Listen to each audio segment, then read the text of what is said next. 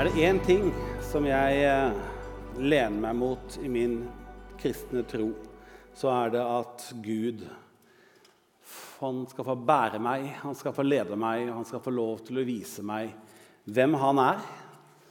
Hvem eh, han tenker at jeg er, og hvem han tenker at menneskene rundt meg er. Jeg har lyst til å se han, jeg har lyst til å bli lik han, jeg har lyst til å bli inspirert av han.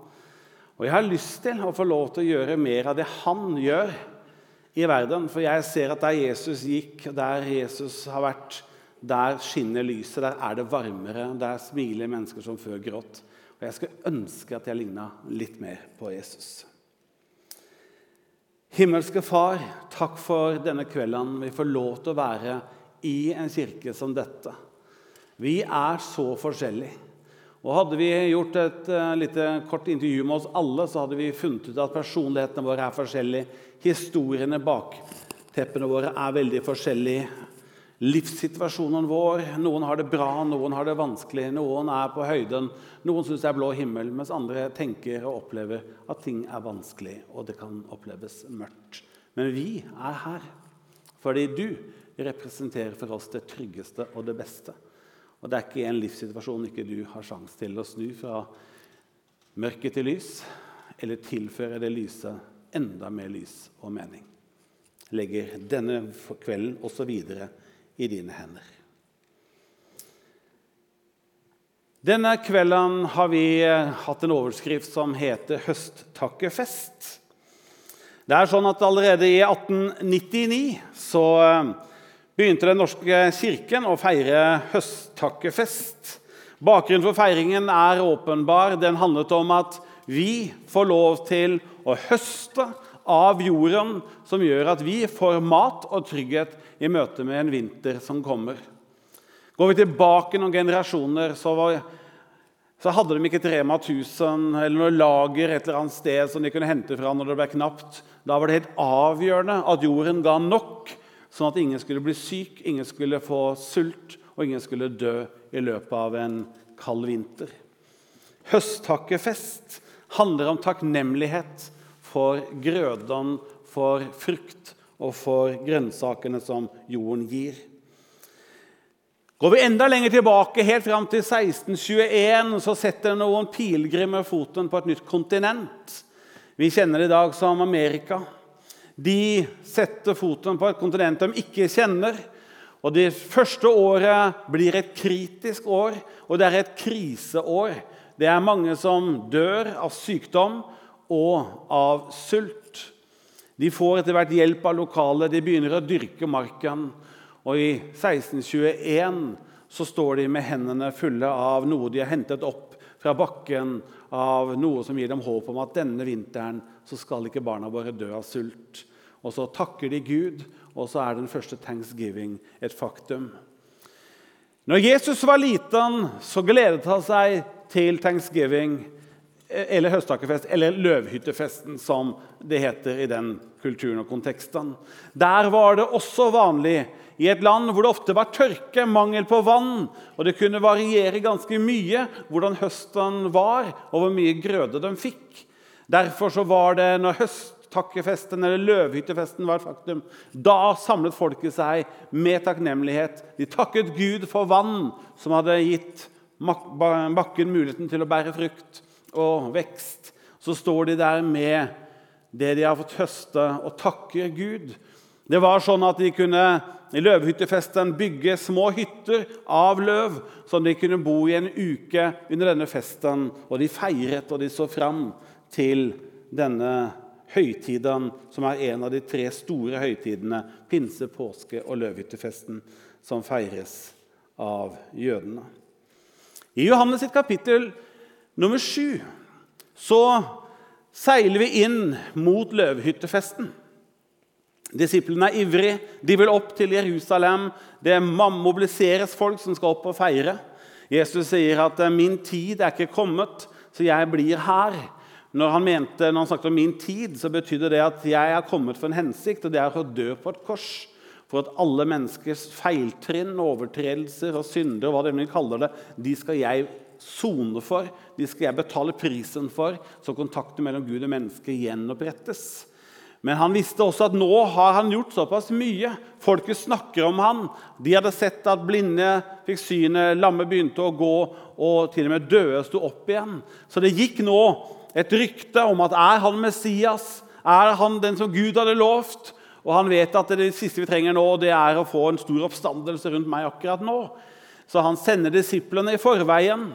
Men så har han tydeligvis ombestemt seg, for kort tid etterpå så finner vi Jesus på tempelplassen, og han står og underviser. Og det er midt i løvehyttefesten, og det er på den siste dagen i festen, den store festdagen, der hvor det var vanlig at de løfter vannet og takker Gud for at det har vært vann som har gitt frukt og vekst dette året også. Så går Jesus rett inn i denne feiringen, og han sier, 'Hvis du er tørst, kom til meg, så skal jeg gi deg drikke.' Og det skal bli deg som elver som renner fram. Og det skal være som elver som renner fram til evig liv. Dette, sa han, det her var om Den hellige ånd, som Gud ville gi, men som han enda ikke hadde gitt. For den ble først gitt etter at Jesus har dødd, stått opp igjen og satt seg ved Faderens høyre hånd i himmelen. Da sender han Den hellige ånd til hvert eneste menneske som vil følge Jesus og tro på ham. I det fysiske så er det jo ikke tvil om at vi i dette landet har utrolig mye å være takknemlige for. Vi bor i et overskuddsland. Kirken, den globale kirken Noen sitter jo da i fine lokaler som oss og kan trygt feire. Andre steder er kirken på flukt og forfulgt. Det er mennesker som dør for sin tro i vår tid. Men hele den globale kirken har også enormt mye å takke for. For kirkens bakteppe det er at en hang på korset og ropte 'det er fullbrakt'. Og han har sagt at 'jeg går foran dere, og jeg skal rydde en vei', og 'jeg skal bane en vei', og 'jeg skal til og med forberede et sted for dere'. 'som når tiden er inne, skal jeg komme og hente dere, og så skal dere få lov til å bli med meg dit. Og så kaller han stedet for himmelen.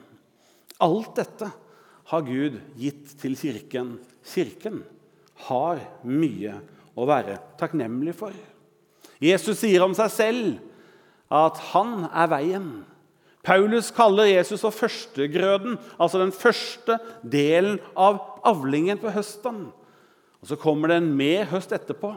Førstegrøden var at Jesus var den første, og alle vi andre får lov til å komme sammen med han inn til Gud og få lov til å bli én kirke, ett folk, én familie, og vi sammen en dag skal feire en evighet i himmelen. Dette er noe av det Gud har lovt oss.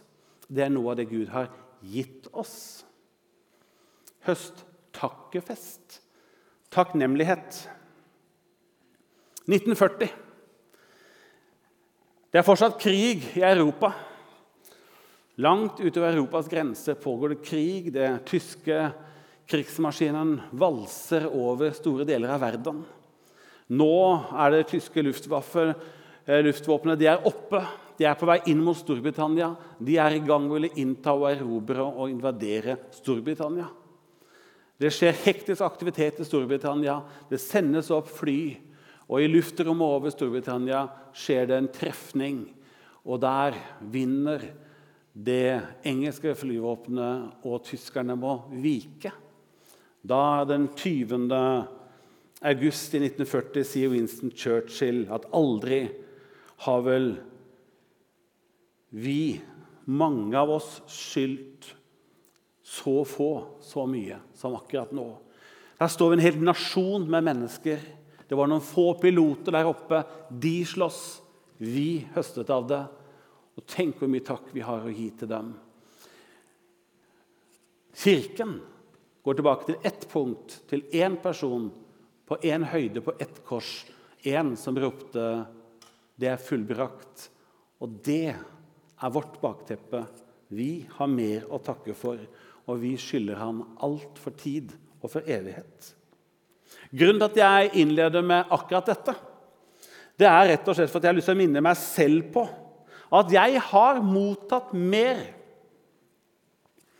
Og dypest sett faktisk har det bedre enn det jeg ofte føler selv.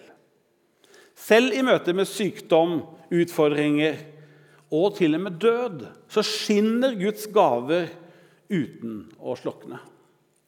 Og Med det bakteppet vil jeg minne meg selv på å være takknemlig.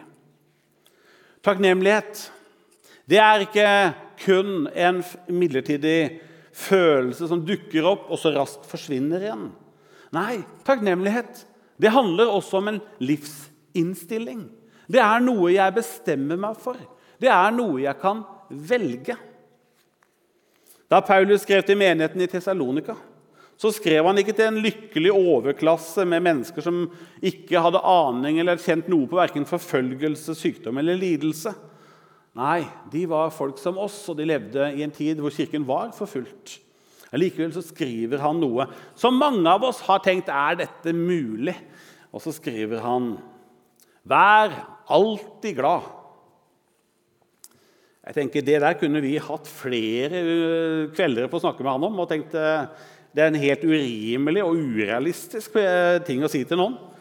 Og så går han enda videre og sier be uavbrutt. Hadde vi gjort det, så hadde vi ikke gjort noe annet. Så det er jo også upraktisk. tenker Jeg Så jeg, liksom, jeg kommer med flere sånne Altså, Han burde ha spurt meg før han skrev det her. tenker jeg. Og så sier han 'takk Gud under alle forhold'. tenker jeg, Har du ikke smakt livet og vet du ikke hvor tøft det kan være? For dette er Guds vilje med dere i Kristus Jesus. Slokk ikke ånden. Forakt ikke profetord. Men prøv alt, og hold fast på det gode. Det er faktisk umulig å alltid føle glede. For tidvis vil livets utfordringer, kanskje tap av mennesker som vi er veldig glad i, eller helsemessige eller relasjonelle utfordringer, overskygge glade følelser. Derfor så handler ikke disse ordene fra Paulus om noe som er urealistisk. Nei, det handler rett og slett om fokus og han oppfordrer oss til å velge en innstilling for livet. Det handler om å se på Guds løfter. Det handler om å se Guds gaver. Det står ikke 'takk Gud for alt'. Nei, det står 'takk Gud under alle forhold'. For det mange av oss har erfart det er at Guds løfter og Guds gaver de er han ofte plassert på de mørkeste stedene. De tøffeste situasjonene. Der hvor livet virkelig stormer. Der har han plassert dem, så vi kan åpne dem og se at der skinner det et lys som får mørket til å måtte vike. Gud vet hvordan livet er. Gud forstår vår situasjon. Og han har sagt 'Jeg skal være med dere alle dager'. Og jeg skal gi dere kraft, sånn som dagen er. Og så har han gitt oss løfter, flere løfter enn du og jeg har aning om. Og han har gitt oss mer enn det vi fatter å be om. Og han har plassert dem akkurat der hvor vi trenger dem. Det er mer å takke for enn det du og jeg ofte vet. Det er alltid noe å takke for. Jeg sier til meg selv, Daniel, du trenger å lære å holde fast på det gode. Og du trenger spesielt å lære å holde fast på det gode når du føler at du er sliten og er i ferd med å miste alt. For Gud har gitt oss tusen grunner til å takke. Jeg har en drøm for mitt liv at jeg skal bli et mer takknemlig menneske. At jeg leter etter noe å takke for og at jeg fokuserer på det takknemlige og velger å uttrykke takknemlighet. Og så har jeg en bønn i mitt liv om at denne takknemligheten skal føre meg til å bli et sjenerøst menneske. Vi som Filadelfia-kirke vi bygger på seks hensikter, men vi bygger også på seks verdier. En av disse verdiene heter sjenerøs. Og vi ønsker i hjertet av denne verdien å være et fellesskap hvor vi bekrefter og oppmuntrer hverandre. At vi er et fellesskap som gir av oss selv, og vi gjør det med glede. Vi ønsker å være et fellesskap hvor vi tjener hverandre og fellesskapet med det vi er, og det vi har, og vi gjør det i takknemlighet. Og så ønsker vi å være en generøst fellesskap, et generøst fellesskap som bygger broer mellom generasjoner, kulturer og alle andre kirker. Vi ønsker å være et sjenerøst kirke, et sjenerøst fellesskap som er et nådefullt fellesskap for alle som kommer i berøring av oss. Enten de gjør det her i vårt kirkebygg, eller de møter oss i vår hverdag. Som kirke bærer vi et dypt ønske om at vi skal inspirere og motivere hverandre.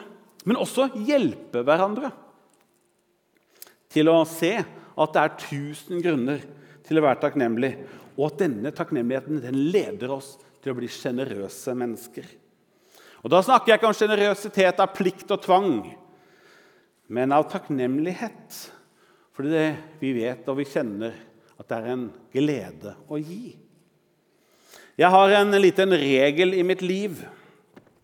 For jeg har lært såpass lenge jeg har levd, jeg skjønner at hvis ikke jeg er intensjonell på en del ting, så er det veldig mange ting som jeg aldri kommer til å få satt i system og struktur i livet mitt. Så jeg har en regel. Så jeg skal dele den. Den er praktisk. Den er sånn at eh, jeg har sagt til meg selv at mennesker som kommer i berøring av mitt liv, om det er for utrolig kort tid eller for lengre tid, så skal jeg behandle dem omsorgsfullt og snilt. Det er en veldig enkel regel. Det er ikke kjempeambisiøst engang, men den får noen utrolig absurde, utrolig kule og nydelige øyeblikk. Eh, det kan, det kan, være sånn som her For et par dager siden så fikk jeg besøk av et vennepar av meg fra mange år tilbake. De bor i Bergen nå, men kom på besøk i Oslo. Og Så sier de har du tid, og jeg fant litt tid. Dagen var litt full, men jeg hadde halvannen time, så jeg fikk rydda. Og Så møter jeg de bak i en kafé borte i gata her. Og så Når vi sitter og prater og catcher opp med livet, så, så kommer den fyren som jobba der, bort og så leverer han kaffe til dem og kakao til meg, for jeg er ikke blitt eldre ennå. Det må dere ikke le av, for kona mi hun sier, for hun elsker kaffe, hun sier at jeg tar ned hennes livskvalitet fordi jeg ikke drikker kaffe. Så det er litt, litt sånn press på det greiene her.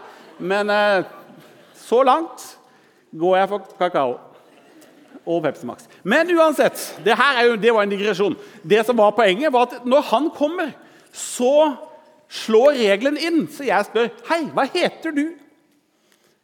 Han ble litt perpleks. Det ble i og for seg to vennene mine også for de lurte på om, hva jeg drev med. Så jeg sier, han heter, han jeg heter Ruben. Kult navn. sier det til faren min nå. Det kommer jeg til å huske. Han kommer bort litt seinere, så jeg sier, 'Hei, Ruben, skal du rydde òg nå?' 'Ja, ja, han skal rydde. Så flink du er', sier jeg. Og Så går vi ut, sier du, 'Ruben, tusen takk for kakao og kaffe'. Mine venner syns jeg ble litt hyppig på å nevne navnet hans. Men så sier jeg, men grunnen til at jeg sier Ruben tre ganger, det er for at jeg skal ha sjanse å huske det til neste gang.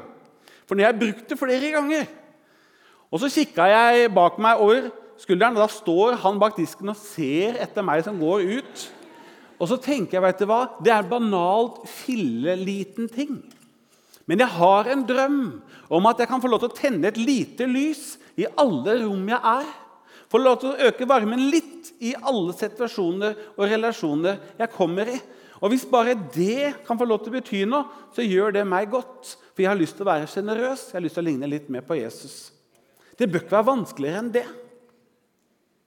tenker jeg. Den regelen bør du ta og si den tar jeg òg. Men ikke press oss på noen som helst måte. Men det er faktisk innmari kult, for det, du skjer, du, du, altså det som skjer, er at du, du, blir på offensiven. Du begynner å, å, se muligheter i alle slags situasjoner, og det er veldig, veldig gøy. Sånn holdt Jesus på.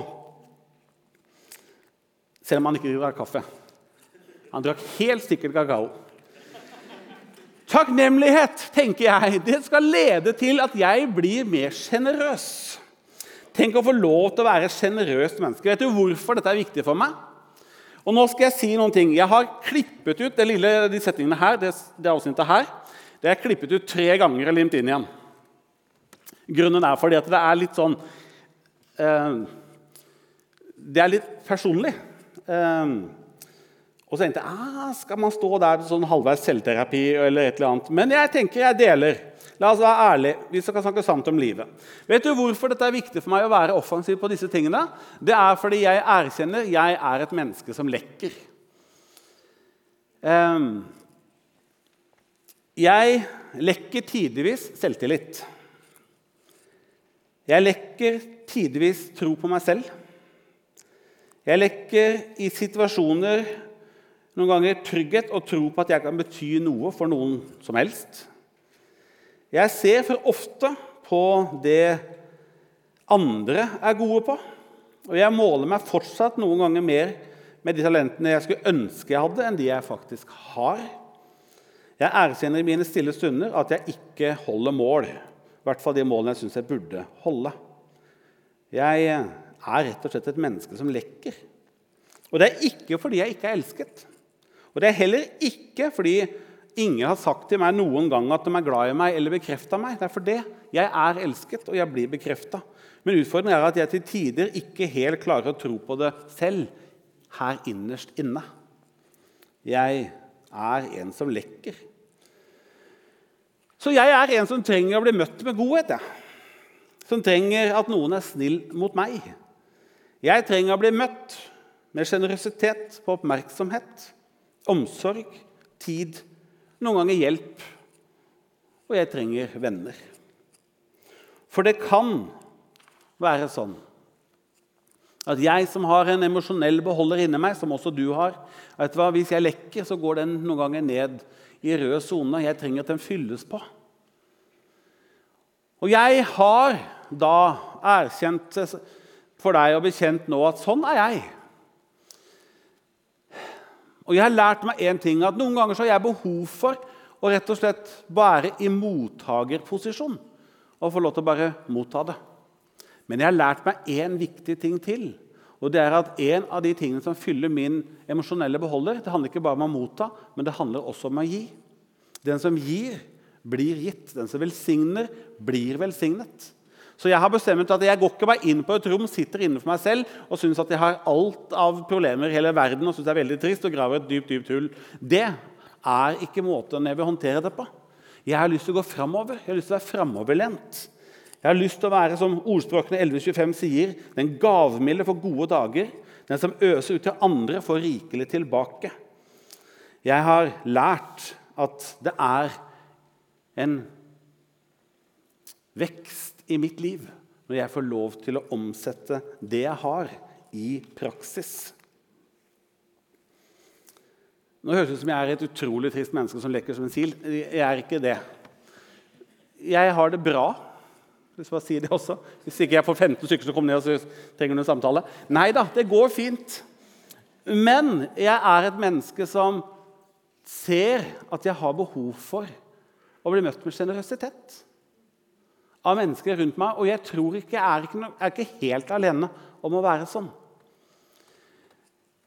Og Hvis jeg kan tenke litt høyere om sjenerøsitet sammen med dere for Jeg sier at jeg, tenkt, jeg, trenger å bli møtt med det, men jeg trenger også å gjøre det. Jeg trenger å være det, et sjenerøst menneske.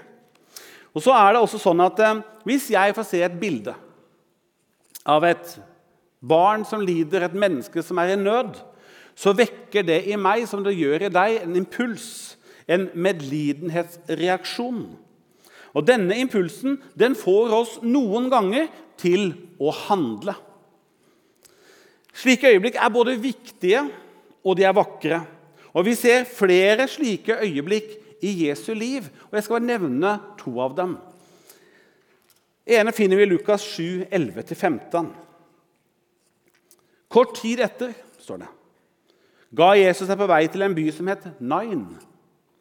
Disiplene og en stor folkemengde de dro sammen med ham. Da han nærmet seg byporten, så ble en død båret ut til graven. Han var sin mors eneste sønn. Og hun, hun var enke. Sammen med henne kom et stort følge fra byen. Da Herren fikk se enken, fikk han inderlig medfølelse med henne. Og han sa, 'Gråt ikke'. Så gikk han bort og la hånden på båren. De som bar den, stanset, og han sa, 'Du unge mann, jeg sier deg, stå opp.' Da satte den døde seg opp og begynte å tale, og Jesus ga ham til moren. Dette er jo en mirakelfortelling. Men kjernen er den samme som den lille kaféfortellingen min. Det er at når du ser noe som berører hjertet ditt, så har du en mulighet til å handle. Og med det kan det skje noe. Et mirakel er bra. Et smil er også bra. Tenne et lys i et menneskes liv eller få et menneske til å oppleve seg sett er viktig, og det er bra. På denne måten kan vi bruke disse øyeblikkene og impulsene til å skape en forandring den dagen. Historie nummer to av Markus 1. Det var en mann som var spedalsk, og spedalsk på den tiden var en grusom sykdom. For fikk du den, så var den så smittsom, så du måtte rett og slett, du ble jagd ut fra huset, familien, alle du kjente. Du ble bortvist til spesielle steder hvor de spedalske kunne leve. Dit ble det fraktet mat. Og hvis du helt tatt nærmet deg andre, så var det påbudt å rope 'uren, uren', så folk rakk å stikke av før du kom. Og kom du for nært, så kasta de steiner på deg for å jage deg bort. En grusom sykdom hvor du blir fortrengt og du blir forkastet og utestengt fra alle de du er glad i. En mann som var spedalsk, kom til han, falt på kne og ba om hjelp. Om du vil, kan du gjøre meg ren. Og Jesus han fikk inderlig medfølelse med han. Rakte ut hånden og rørte ved han. 'Jeg vil', sa han, 'bli ren'. Og Med det samme var spedalskheten borte, og mannen ble ren. Dette her, det handler om øyeblikk. Det er når du fanger noe, du er på vei, og så ser du noe, og så kan det skape en respons, en reaksjon. I Jesus skjedde det her ofte. Men det var ikke bare drevet av impulser. Jesus var, Hele livet hans var drevet av kjærlighet og sjenerøsitet. Jeg har flere ganger sitert en fantastisk ordveksling mellom en journalist og mor Teresa. Han kommer, han har sett denne lille kvinnen med det store hjertet som kommer rett inn og berører noe av de mest sårbare og de fattigste i verden. Og Så ser han hva hun gjør dag etter dag, år etter år. Og så sier han til henne, 'Du, hvordan kan jeg lære å elske sånn som du elsker?' Og Så ser mor Teresa litt forundra på ham, så sier hun, 'Du lærer å elske ved å elske.' Og ved én setning så har hun talt bedre enn de fleste av oss har gjort på en time. Når Jesus sa 'Kom og følg meg', så kom disse første disiplene opp ved siden av ham, og de delte tre år sammen med Jesus. Og De gikk sammen med han, spiste sammen med han. De gjorde sånn som han gjorde, og de sa det han sa. De ble lik Jesus ved å gjøre som Jesus. En av kirkefedrene sa at en sann disippel øver seg i å være Gud. Nå mener ikke han at noen skal legges inn på psykiatrisk sykehus og tro vi er Gud. Det er en sykdom. Men det å få lov til å tenke at jeg har så lyst til å bli lik Jesus, jeg har lyst til å gjøre som han, det er disippelens naturlige respons på å fylle, følge Jesus av dypet fra dypet av sitt hjerte. Og Da tenker jeg at det kan jeg dra rett med meg også inn. Hvis jeg har lyst til å bli et sjenerøst menneske, hvordan blir jeg det? Jo, det blir jeg med å være sjenerøs.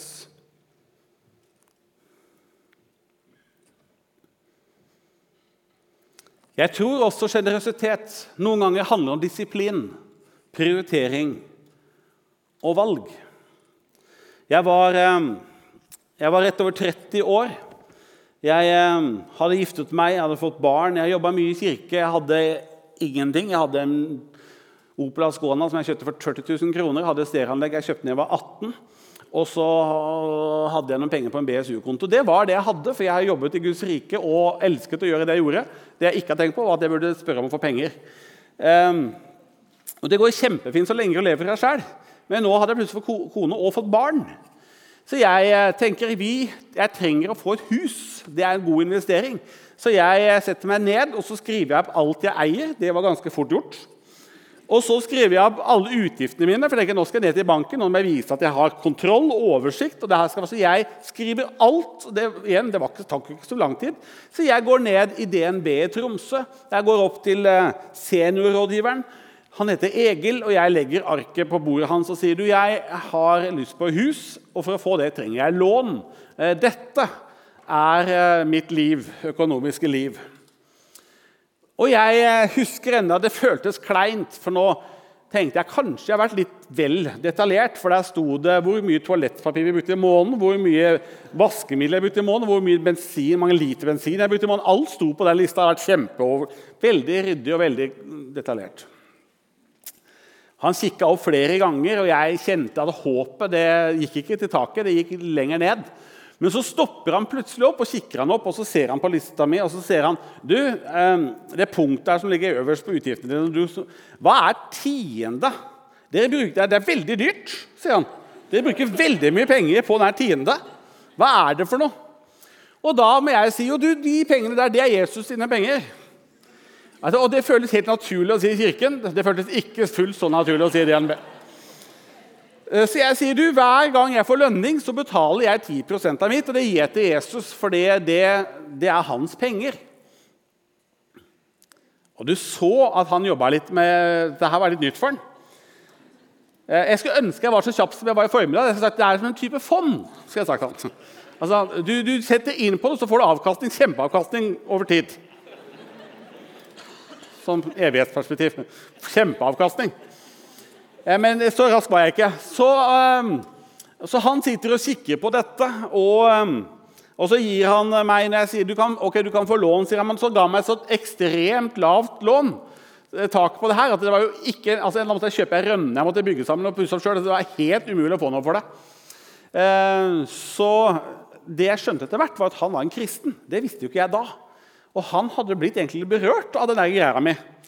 Eh, og så hadde han tenkt han skal her, her skal i hvert fall ikke kjøpe noe, så han havner i en, liksom en eh, urealistisk, håpløs situasjon. Så han legger lista veldig lavt. Men når jeg da etter hvert fant et hus jeg har lyst på, så sa han du kan få så mye lån du vil. gutten min. Så det ordna seg. Men poenget mitt mer sjenerøs det er det er noen ganger du faktisk må tenke at sjenerøsitet handler ikke bare om hva jeg føler godt for, eller et øyeblikks impuls. Det handler også om valg. Det handler om disiplin, prioritering, og det handler noen ganger om forpliktelse. Å forplikte seg på noe du tror på, noe du har lyst til å gi til. Jeg sitter noen ganger og tenker hvem er det som eier livet til Daniel? Og jeg lurte lurt en gang på, Når jeg sa ja til Jesus, hva i all verden var det jeg sa ja til? Altså, Jeg skjønner når han sa 'Vil du ha tilgivelse for syndene, du får himmelen, du får alt sammen. Klart jeg sier ja til det. det er en Men hva var det jeg ga? har jeg tenkt ganger. Altså, Hva var det som sto på andre sida av arket? på en måte? I Rombrevet 10,9, som jeg har sitert mange ganger gjennom livet, så står det For hvis du med din munn bekjenner at Jesus er Herre, og ditt hjerte tror at Gud er oppreist fra de døde, da skal du bli frelst. Et fantastisk vers. Men som første setningsdelen her Hvis du med din munn bekjenner at Jesus er Herre, tenker jeg, Hva i all verden betyr det sånn i praktisk konsekvens? Og så lurer jeg på, Når jeg da forvalter, forvalter jeg det som er mitt nå, eller forvalter jeg det som er hans? Er livet mitt mitt, eller er livet mitt hans? Er det mine penger eller hans penger? Er det min, altså, hvem er det sitt? Og dette har jeg jo, for Det er jo ganske viktig for meg, for jeg har jo lyst til å være ryddig. Men så snudde jeg spørsmålet litt på hodet. Så hva var det Gud da ga meg når jeg ble hans barn? Og så kunne jeg finne mange bibelsteder, men et av de fineste de finner du i Jesus' fortelling i Lukas 15. Når han forteller om denne lignelsen, denne fortellingen om en far som har to sønner. Den ene løper av gårde og lever et litt umoralsk liv. Den andre han blir hjemme på gården. Og den setningen jeg skal hente, den er fra den samtalen mellom far og den sønnen som var hjemme på gården. Da sier han i Lukas 15.: Barnet mitt, du er alltid hos meg, og alt mitt er ditt. Alt mitt er ditt. Det var det Gud ga. Jeg fikk mer enn jeg noen gang hadde bedt om. Jeg hadde aldri hatt frimodighet til å spørre om det. Jeg hadde aldri funnet kreativitet til å finne på det. Men han ga meg alt og mer enn alt. I Apostelens gjerninger så er jo fortellingen om den første kirkens tid. Nå er Jesus død, stått opp igjen, han har satt seg i himmelen med, med far og han har sendt Den hellige ånd. Og så begynner den første kirken å stable seg på beina. De hadde hørt Jesu undervisning, og Jesus hadde vært ganske radikal på nestekjærlighet. Har du to kjortler, du møter en som ikke har noen, da gir du det ene. Hvis en ber ham å gå en mil, da går du to med han. Altså, Utrolig mye om enker og farløse, de fattige, de svakeste. Gå og gi til dem, hjelp dem. Så det, det mange av disse her gjør, det er at du tar alt de eier, så selger de det. Og Så tar de pengene og går og gir det til apostlene, og så tok apostlene og delte det mellom alle folka i den første kirken. I denne flokken her så er det en mann som heter Ananias, og en kone hans heter Safira. De er jo med dette her, og de eide en eiendom. Så de har lyst til å gjøre som de andre, så de går og selger denne eiendommen. Og så står de med pengene, og de fikk antagelig, de synes antagelig de fikk veldig mye for det her. Og så tenker de skal, gi, skal, vi gi, skal vi gi alt det her. Så de tenker vi tar bort dette og setter det til side for oss sjøl. Og så gir vi dette, men vi er så ydmyke så vi sier at det er alt. At det var det vi fikk for alt sammen. Altså, vi ljuger litt. Og da står det at det så Gud. Det likte ikke Gud. Og så konfronterer Peter Ananias ganske kraftig. Og så sier han Ananias, hvorfor har Satan fylt hjertet så du kan lyve for Den hellige ånd og stikke til side noe av det du fikk for jordstykket ditt? Men, men det som jeg har lyst til å si, er ikke det. Det står videre Kunne du ikke bare beholdt det? Og så står det For det var jo ditt. Gud ga oss alt. Men han gjorde det frivillig. Han gjorde det av kjærlighet og sjenerøsitet. Uten å spørre eller forvente noe tilbake fra meg enn hjertet mitt. For kjærlighet må være gjensidig. Men han tvinger ingen. Og hvis jeg skal gi noe tilbake igjen, så må det også være frivillig. Det må gis av kjærlighet og sjenerøsitet. Paulus sier sånn i 2. Korinterbrev at enhver skal gi det han har bestemt seg for i hjertet. Ikke av ulyst og ikke av tvang. For Gud elsker en glad giver. Vi har høsttakkefest i dag. Og Bakteppet er at Gud sier til oss, 'Barnet mitt, du er alltid hos meg, og alt mitt er ditt. Så min venn, la hjertet ditt fylles med takknemlighet i kveld. Og kanskje denne takknemligheten vil lede deg og meg til å bli et litt mer sjenerøst menneske. Finne gleden i å gi. Og Nå snakker ikke jeg så smalt som om penger. Nei, jeg snakker om livsinnstillingen din. Hvordan du lever livet ditt på alle arenaer. Fra kafeen på hjørnet til kollokviegruppa eller nabolaget eller mor og far eller hvem det enn skulle være. Vær sjenerøs med det du har, men ikke av tvang og ikke av ulyst. Men fordi du i hjertet ditt har bestemt seg for at dette har jeg lyst til å gi. Dette er bærekraftig. Dette kan få lov til å bety noe. Og ikke undervurder det lille. Jeg husker første gangen når jeg gikk inn og skulle sette noen penger i banken. Jeg skulle opprette et fond. Eh, det var det som gjorde at jeg fikk jeg hadde BSU et lite fond. Det var det eneste som gjorde at jeg fikk det huset en gang i Tromsø. Og jeg husker jeg kom til banken og sa du, jeg skal opprette et fond. Ja, sier han, det skal vi ordne. Hvor mye skal du sette inn? Nei, jeg skal sette inn 50 kroner i måneden. Da lo han av meg. Så sier jeg du ler, du. sier, men det er det jeg har råd til. Men jeg har lyst til å bare komme i gang. Jeg var ikke gamle karen på det tidspunktet her. Så jeg, men jeg har bare lyst til å komme i gang. Og når han skjønte at jeg ikke tulla, så sa han ok, da oppretter vi et fond med 50 kroner i måneden. Eh, jeg skjønte at det var, eh, det var det laveste han noen gang hadde opprettet, men det var for å begynne et sted. Jeg tenker at Det er på samme måte det lille blir større.